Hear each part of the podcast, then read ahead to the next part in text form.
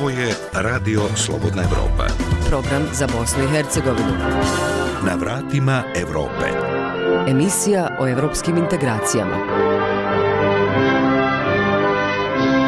Dobar dan, ja sam Lejla Omeregić Ćatić i sama sam narednih pola sata u emisiji u kojoj govorimo o temama koje se odnose na približavanje Bosne i Hercegovine Evropskoj uniji i njenim standardima. Ovog puta, pored ostalog, saznajte više o saradnji Poljoprivredno-prehrambenog fakulteta iz Sarajeva sa norveškim voćarima.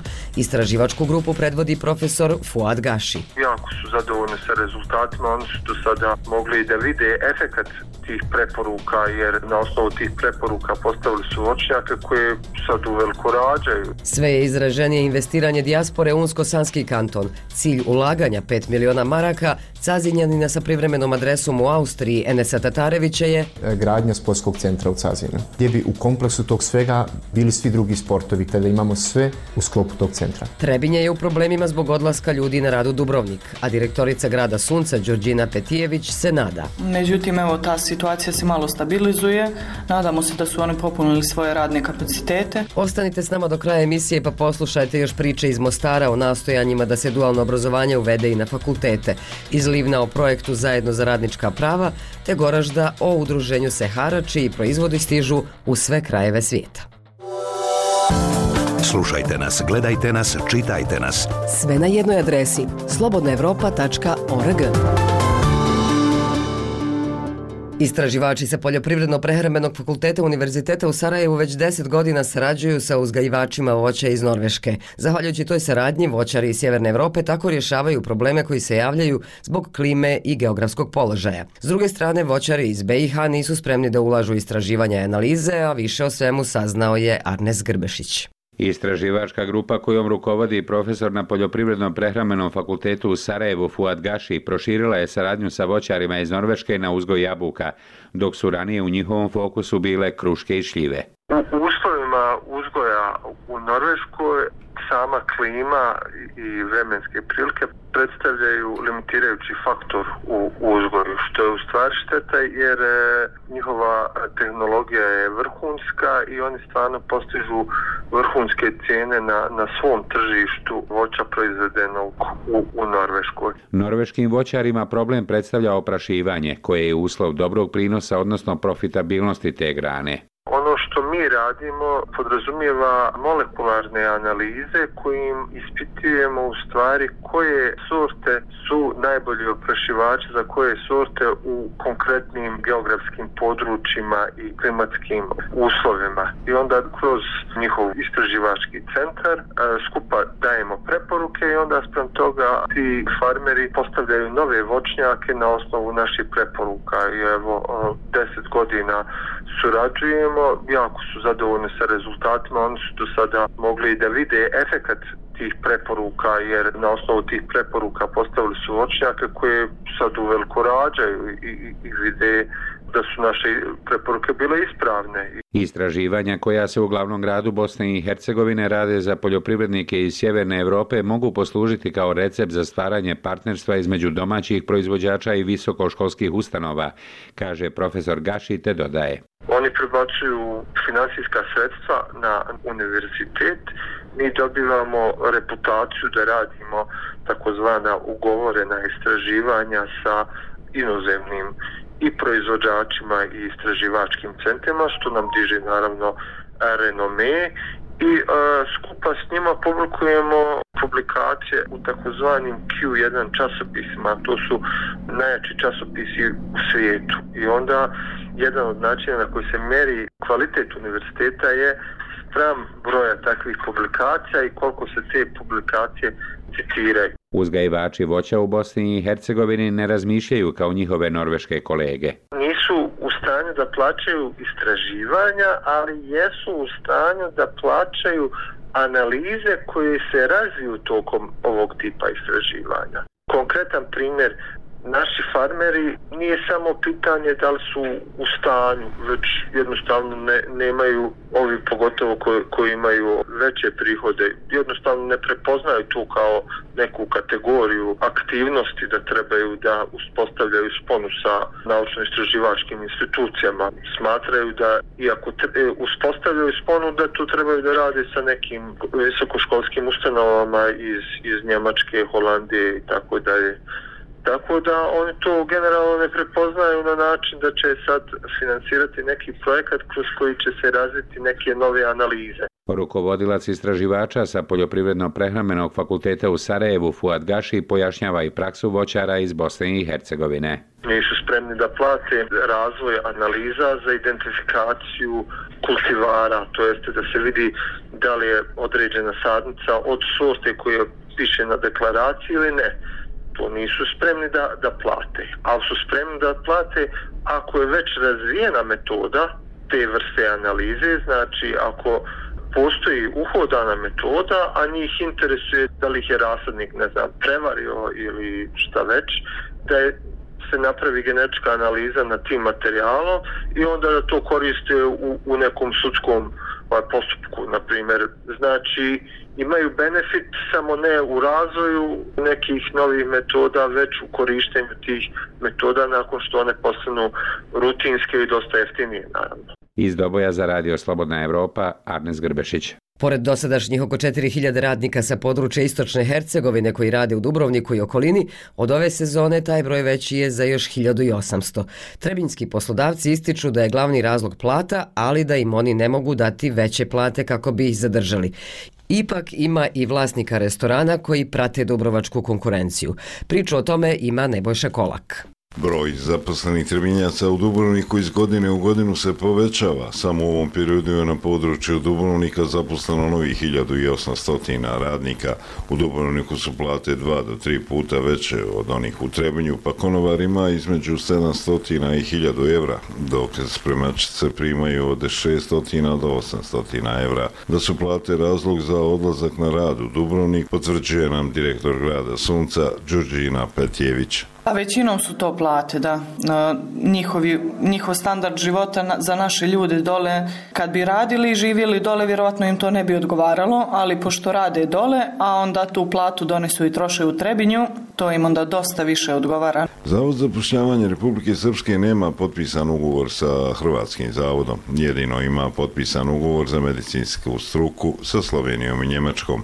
Mirjana Sušić je šef biroa za zapošljavanje Trebinje. Ali oni mogu da se prijavila se e, našem zavodu za zapošljavanje Bosne i Hercegovine, u stvari agenciji za rad i onda oni provjeravaju poslodavca, šalju nama konkurse, oglase i tek tako može da se posreduje, ali mi e, pojedinačno sa njihovim brom ne možemo. Trebanje je u velikom problemu sa radnicima za dolazeću ljetnu turističku sezonu. Trebinski ugostiteljski radnici kažu da se situacija sa odlaskom radnika stabilizuje u posljednje vrijeme, a razlog za smanjenje broja odlaska u Dubrovnik je što su popunjena radna mjesta. Petjević kaže. Međutim, evo, ta situacija se malo stabilizuje. Nadamo se da su oni popunili svoje radne kapacitete. Međutim, uvijek ima mladih ljudi koji su voljni da rade. Mi imamo sreću da imamo našu stalnu postavku radne snage koja može vrlo brzo da obuči nove kadrove i da ih uvede u posao. Nije rijedak slučaj da u Dubrovniku radi veći broj članova jedne porodice. Jasna Trklja već duži niz godina radi u Dubrovniku, ali sada su zaposlena i njena dva sina. Ja sam za stalno, djeca su, jedan je sezonski, a jedan je opet za stalno. Pošto je prva ovo sezona, on je na šest mjeseci. Dragan Simović, predsjednik regionalnog centra Trebinje u Savezu sindikata Republike Srpske, kaže Radnici su svjesni svojih vrijednosti i svjesni da mogu zaraditi na drugim destinacijama puno veće plate i kvalitetnije uslove rada i sam odnos prema radu. Vraćamo se na početak priče da je osnovni problem visina plati. Vlasnici koji su na vrijeme reagovali u Trebinju nemaju problema sa radnom snagom. Dejan Tarana, vlasnik restorana u Trebinju.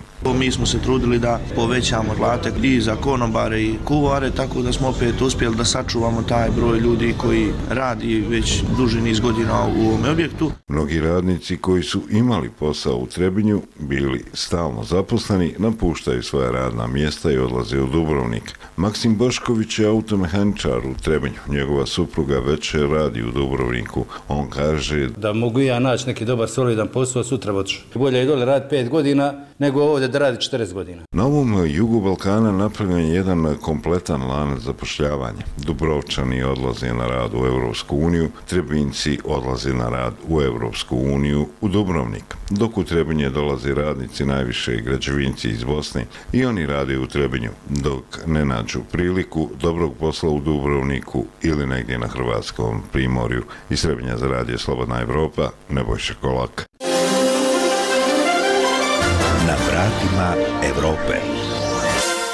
Mada je zbog pandemije tokom posljednje dvije godine donekle usporena komunikacija sa dijasporom kada se radi o realizaciji zajedničkih projekata ili tradicionalnih programa u Unsko-Sanskom kantonu, veze su se nastojale očuvati. Posljednjih mjeseci sve izraženije investiranje i otvaranje mogućnosti novih zapošljavanja, čime se polako stvara nova dimenzija, pa oni koji su otišli iz Bosne i Hercegovine u Evropu donose dijelić Evrope u rodni kraj. S nekima od njih razgovarala je Azra Bajrić.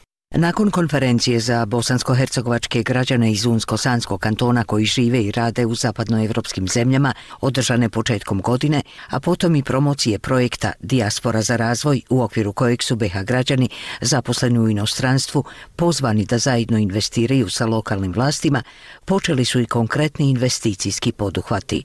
Ekonomski aspekt investiranja u domovinu je bitan, no veza sa rodnim krajem neraskidiva i presudna, pa je iz tog ugla razumljiva želja za ulaganjem, kaže Cazinjanin Enes Tatarević sa privremenom adresom u Austriji. Kad već grancu prođeš, već nekako drugčije dišeš, ono, slobodniji si, sve ljude razumijem i da izbjegavaju tu ulagati neki novac i svašta nešto, ali mislim po meni e, jako bitno da ulažemo u Cazinu krajinu, našu omladnu, jer tu imamo stvarno i puno pametni ljudi. Te zašto mi te ljude moramo slati negde vani kad ti ljudi mogu i ovdje praviti neke poslove i voditi neke poslove i možemo i tu imati, imati puno više nego što imamo sad. Enes ima uspješan biznis u Austriji. Posljednji boravak u Cazinu iskoristio je da ispita mogućnost za ulaganje 5 miliona maraka. Moj cilj, moja želja koja se nadam se da, će, da ćemo ispuniti je e, gradnja sportskog centra u Cazinu. E, jednog velikog objekta, veliko igralište, gdje bi u kompleksu tog svega bili svi drugi sportovi, košarka, odbojka, tenis, svi sportovi koji su, hajmo reći, tako razbecan po nekim drugim stranama, bi sve želio da dovedemo u taj centar, da imamo sve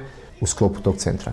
Naredni koraci su da u što kraćem e, vremenskom periodu počnemo sa, sa izgradnjom. Imamo već neke lokacije o kojima se priča. Na Incalu gore bi mi najviše to odgovaralo zbog tržnog centra, zbog hotela koji imamo okolo. Ja želim tu da dovodim i strane kampove, i strane ekipe koji nešto i mogu vidjeti od našeg grada, gdje može biti sve ovaj na domah ruke, kako bi mi to rekli. Husnija Beganović već 15 godina je uspješan u stanogradnji, a posljednje dvije godine i u metalskoj industriji. S obzirom da je potražnja zapadnoevropskog tržišta za proizvodima metaloprerade kojom se bavi sve veća, odlučio je izgraditi novi pogon i to u poslovnoj zoni Ratkovac u Cazinu. Radi se o investiciji od 3 miliona maraka. Planira zaposliti 30 radnika.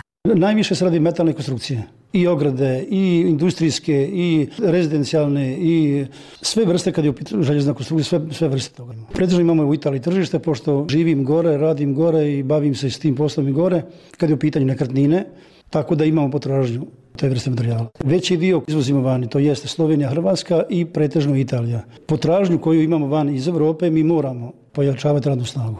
Tako da mi u što skorije vrijeme ćemo krenuti sa lokacijskom dozvolom sa izgradnjom te proizvodnje zbog proširenja i potražnje, kao što kažem, na tržištu kad je u pitanju metalna konstrukcija i tako da moramo krenuti naprijed što dalje. Pored tog što ovom rije 3 miliona maraka, mi imamo sad trenutno koji rade već desetak radnika koji nam već rade, a imamo u planu 30 zaposliti još. Poziv gradske uprave Cazin Dijaspori za pokretanjem biznisa u rodnom kraju konstantno je otvoren, a sve evidentni interes daje naslutiti da se stvara nova dimenzija odnosa dijaspore i domovine.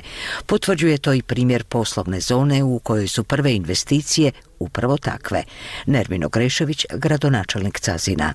To je ono čemu mi težimo i što je potrebno u ovoj našoj zajednici. Sve bliže smo tom našem cilju da imamo što više radnih mjesta i da to tržišta rada zadovoljimo sa potražnjom da ljudi imaju i mjesto gdje će se zaposliti, a i da imaju interes i da ostanu ovdje. Trenutno u inostranstvu živi i radi oko 15.000 cazinjana, čija posebnost je i u velikoj vezanosti za svoj rodni kraj. Za Radio Slobodna Evropa, Azra Bajrić. Nekoliko visokoškolskih ustanova u Bosni i Hercegovini učestvuje u međunarodnom projektu kojeg u okviru programa Erasmus Plus finansira Evropska unija s ciljem uvođenja takozvanog dualnog obrazovanja i na fakultete. Obrisi pilot programa su već nastali, a neki od učesnika u projektu ističu da bi uvođenje praktične nastave i na fakultete moglo zaživjeti u svim oblastima. Evo što je saznao Mirsad Behram. Poslodavci, posebno u proizvodnim zanimanjima, već godinama ukazuju na to da je obrazovni proces u Bosni i Hercegovini neusklađen sa tržištem, te da mladi po završetku srednjih škola ili fakulteta zapravo nisu spremni za rad. Zato Privredna komora Federacije BiH zajedno sa partnerima iz Austrije, Njemačke i Španije, a uz učešće sveučilišta u Mostaru te univerziteta iz Zenice, Sarajeva i Istočnog Sarajeva, te uz koordinaciju univerziteta u Novom Sadu, provodi projekat pod nazivom Dual SCI. Emir Pašić, voditelj Centra za međunarodnu i saradnju sa evropskim fondovima pri Privrednoj komori Federacije BiH, naglašava kako je jedan od najvećih izazova osigurati kvalitetnu radnu snagu, pri čemu vještine i znanja trebaju odgovarati potrebama tržišta rada. U Federaciji Bosne i Hercegovine dostaje visoko kvalificirani radnik, a dok s druge strane postoji veliki broj nezaposlenih zbog disproporcije upisnih politika i potrebe privrede s jedne e, strane i kvaliteta stručnog obrazovanja s druge strane. Zato je ključno kreiranje poslovnog ambijenta sa akcentom na pravne propise. Iz Privredne komore Federacije BiH kažu da su u tom smislu već radili na višegodišnjem projektu dualnog obrazovanja u srednjem stručnom obrazovanju, te da je sazrelo vrijeme za nastavak te priče. Emir Pašić ovo je jedan iskorak ljestvici više gdje su sada u fokusu visokoškolske institucije i studenti. Dual SCI je trogodišnji projekat u okviru Erasmus Plus programa, čiji je glavni cilj poboljšanje kapaciteta studenta u Bosni i Hercegovini kroz razvoj dualnog obrazovanja kako bi se podržale potrebe studenta, visokoškolskih institucija i kompanija. Lucijana Boban, voditeljica Ureda za osiguranje i unapređenje kvalitete sveučilišta u Mostaru. Cilj projekta bio je napraviti zakonsku regulativu, odnosno perspektivu, odnosno mogućnost otvaranja studijskih programa po dualnom modelu i kroz projekt definirati kakav je to studijski program. A studijski program je takav da su u njega direktno uključeni poslodavci. Pilot studij na sveučilištu u Mostaru je diplomski studij računarstva na fakultetu strojarstva. Računarstvo je izabrano i iz razloga je nudi velike mogućnosti zapošljavanja, ali i nakon razgovora sa potencijalnim poslodavcima, kaže Krešimir Rakić,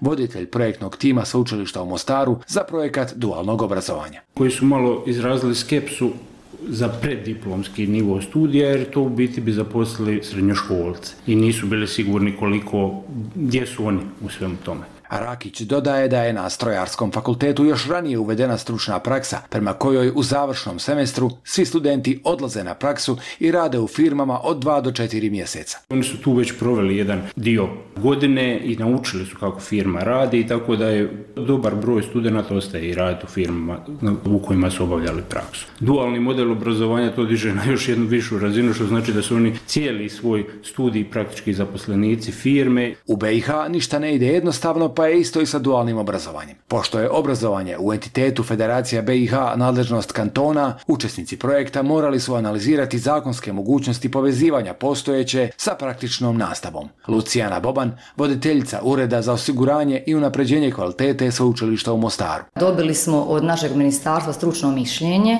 da nama naš zakon daje dovoljno autonomije da mi internim aktom reguliramo studije te vrste. Tako se uz ostalo izdefinirala i razlika između običnih i studijskih programa po dualnom modelu. Po dualnom modelu mora postojati minimalno 450 sati učenja kroz rad kod poslodavca i isti broj sati nastave na nivou godine studija, naglašava Lucijana Boban. Što znači da je uvjet za upis na dualni studij ugovor sa poslodavcem koji može biti na neodređeno, ali mora biti minimalno na određeno vrijeme koliko traje studijski program. Lucijana Boban podsjeća da je glavna svrha projekta Duals C pripremiti studente za tržište rada. Zato će fakultet po prijemu prijava studenta koji žele studirati po dualnom modelu organizirati razgovore studenta sa potencijalnim poslodavcima. Ako se na tim intervjuima ostvari dogovor između studenta kao budućeg zaposlenika i firme kao njegovog budućeg poslodavca, oni potpišu ugovor o radu na minimalno određeno koliko traje studijski program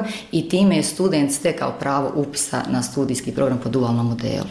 O daljem toku projekta Emir Pašić, voditelj Centra za međunarodnu i saradnju sa evropskim fondovima pri Privrednoj komori Federacije BiH, govori. Da, očekivati je u narodne godine dana da iz praksi u praksu operativno sa našim poslodavcima privedemo ovaj pilot projekat kraju i samim i započnemo sa aktivnim obrazovanjem visokoškolskih kadrova u dualnom obrazovanju. Krešimir Rakić, voditelj projektnog tima sveučilišta u Mostaru za projekat dualnog obrazovanja, ističe da dualno obrazovanje u BiH ima perspektivu. Mislim da je područje da to sigurno nije samo računarstvo ili tehničke znanosti, nego da je ono primjenjivo i u ekonomiji i u zdravstvenim studijima, recimo, jer tu već postoji jedan veliki dio praktičnog rada koji se mora uključiti u, u samu proces izobrazbe. Za Radio Slobodna Evropa iz Mostara, Mirsad Behram. Emisiju Na vratima Evrope možete i pročitati na našoj web stranici slobodnaevropa.org. U okviru projekta Zajedno za radnička prava, predstavnica Švedskog neprofitnog udruženja za radničko obrazovanje ABF boravile su u radnoj posjeti centru i mobilnom timu koalicije za bolju zaštitu radničkih prava. Čujmo šta je u ovoj posjeti zabilježila Željka Mihaljević. Demokracija, raznolikost, pravednost i jednakost temelji su 110 godina dugog djelovanja koje ABF dijeli s radničkim pokretom u Švedskoj. Upoznali su se s političkom, ekonomskom i socijalnom situacijom u Bosni i Hercegovini, konstatirali da se sindikati bore sa sličnim problemima, ali je članstvo u Švedskoj izuzetno brojno.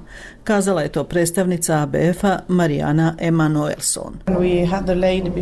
Danas smo imali gospođu koja je rekla da je vrlo često sama kada se bori za određenje određena prava i to je osnovna razlika. Mi nismo nikad sami, uvijek nas je puno. Kada vas ima puno, možete raditi zajedno i pomagati jedni drugima.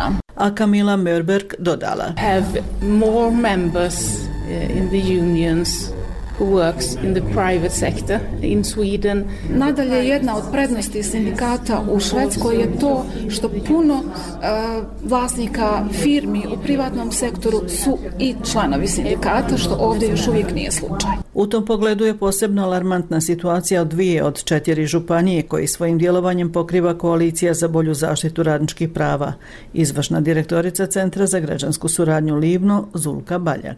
Jer mi, na primjer, u našem kantonu ili županiji i susjednoj zapadnoj Hercegovačkoj ne imamo niti jednog sindikata u privatnom sektoru, što je poražavajuće. Ti radnici su potpuno nezaštićeni, svi koji rade u privatnom sektoru, gdje nema osnovanih sindikata, gdje ne postoje sindikati, oni su apsolutno nezaštićeni. I poslodavci mogu raditi šta god im padne na pamet. Na skupu se moglo čuti i da su podijeljenost i nedostatak solidarnosti osnovne boljke BH sindikata. Zehra Hadžić, članica mobilnog tima koalicije i predstavnica sindikata iz Unsko-Sanskog kantona. Trenutno smo razjedinjeni, kao što je e, svima poznato, i tu poslodavci, a i vlada koristi maksimalno. Znači, prvo smo je razjedinjeni na entitete, zatim smo e, razjedinjeni na kantone, pa smo onda na nivou Saveza razjedinjeni, evo, nikako da, da se nađe neki zajednički jezik, da zaista e, sindikati nađu tu nit koja ih ujedinjava i koja predstavlja nešto što je zajedničko za sve, za sve sindikate. Ni sindikatima u javnom sektoru prije par godina nije bilo lako. Pratilo se i snimalo tko sudjeluje u javnim prosvjedima, no nisu podlegli pritiscima. Govori na Marko Žižić, član mobilnog tima koalicije i sindikalni povjerenik policijske postaje Drvar. Najviše im je smetalo naš kontakt sa medijima. Ovaj upravo kontakt sa medijima je nama i pomogao pomogao da ostvarimo određena prava. U članstvu sindikata se nismo ni ovo naprotiv povećavalo se ono što ja mogu da kažem sad evo konkretno za policijsku stanicu Drvar ja imam samo jednog policajca odnosno zaposlenog u policijskoj stanici koji nije član sindikata, svi ostali su članovi. Ovaj, jer su ljudi primijetili i uvidili su stvarno i naš rad i trud i zalaganje i sve ono što radimo, što radimo ovaj, za, za njih da se isplati na kraju. Ocijenjeno je kako je suradnja Centra za građansku suradnju i koalicije za bolju zaštitu radničkih prava sa švedskim ABF-om od iznimne važnosti, osobito na planu edukacije i osposobljavanja sindikalnog vodstva za privlačenje članstva i postizanje još boljih rezultata. Iz Livna za Radio Slobodna Evropa, Željka Mihaljević. Slušate program Radija Slobodna Evropa.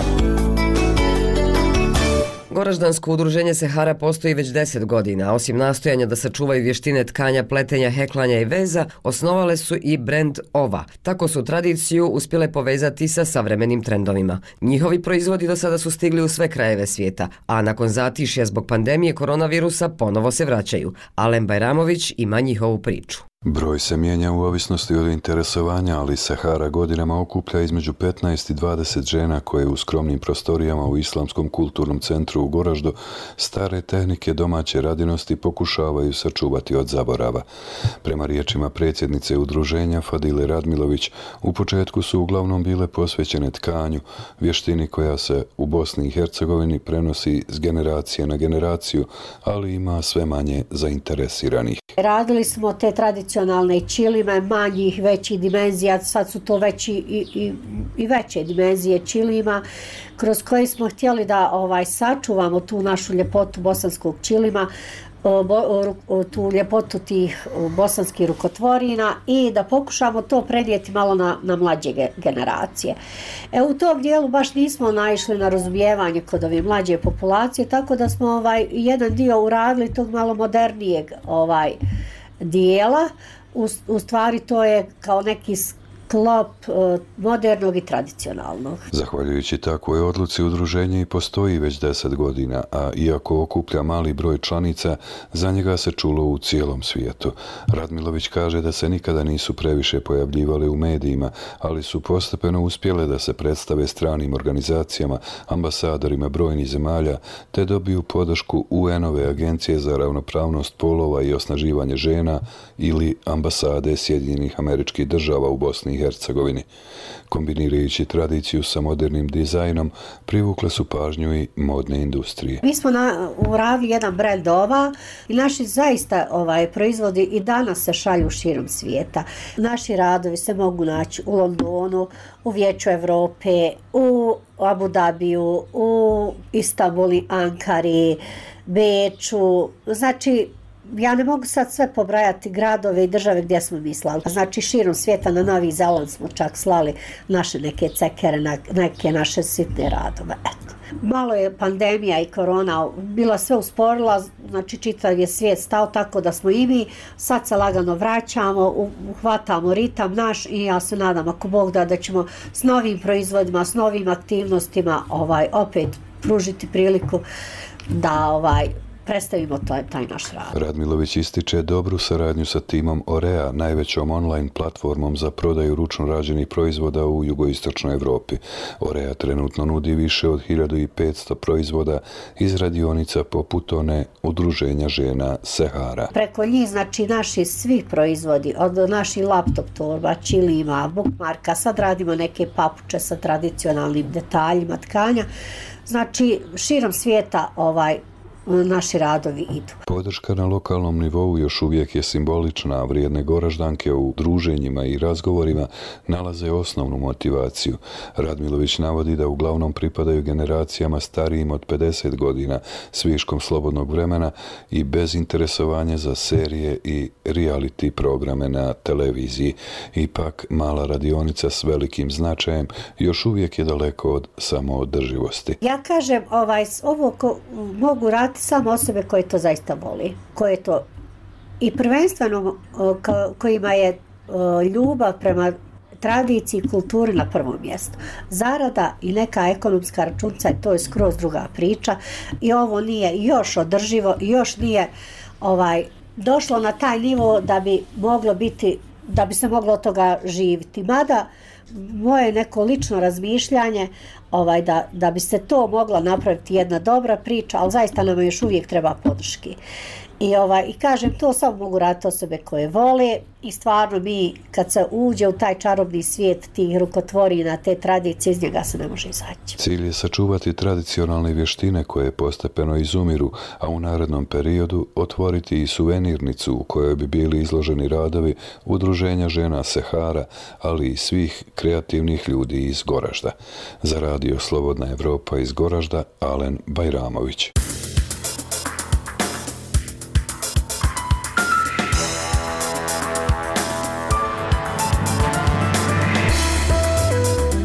I bilo je to sve što smo pripremili u ovom izdanju emisije Na vratima Evrope. Sa vama su proteklih pola sata bile Vesna Jelčić i Lejla Omeragić-Ćatić. Ugodan dan, do slušanja.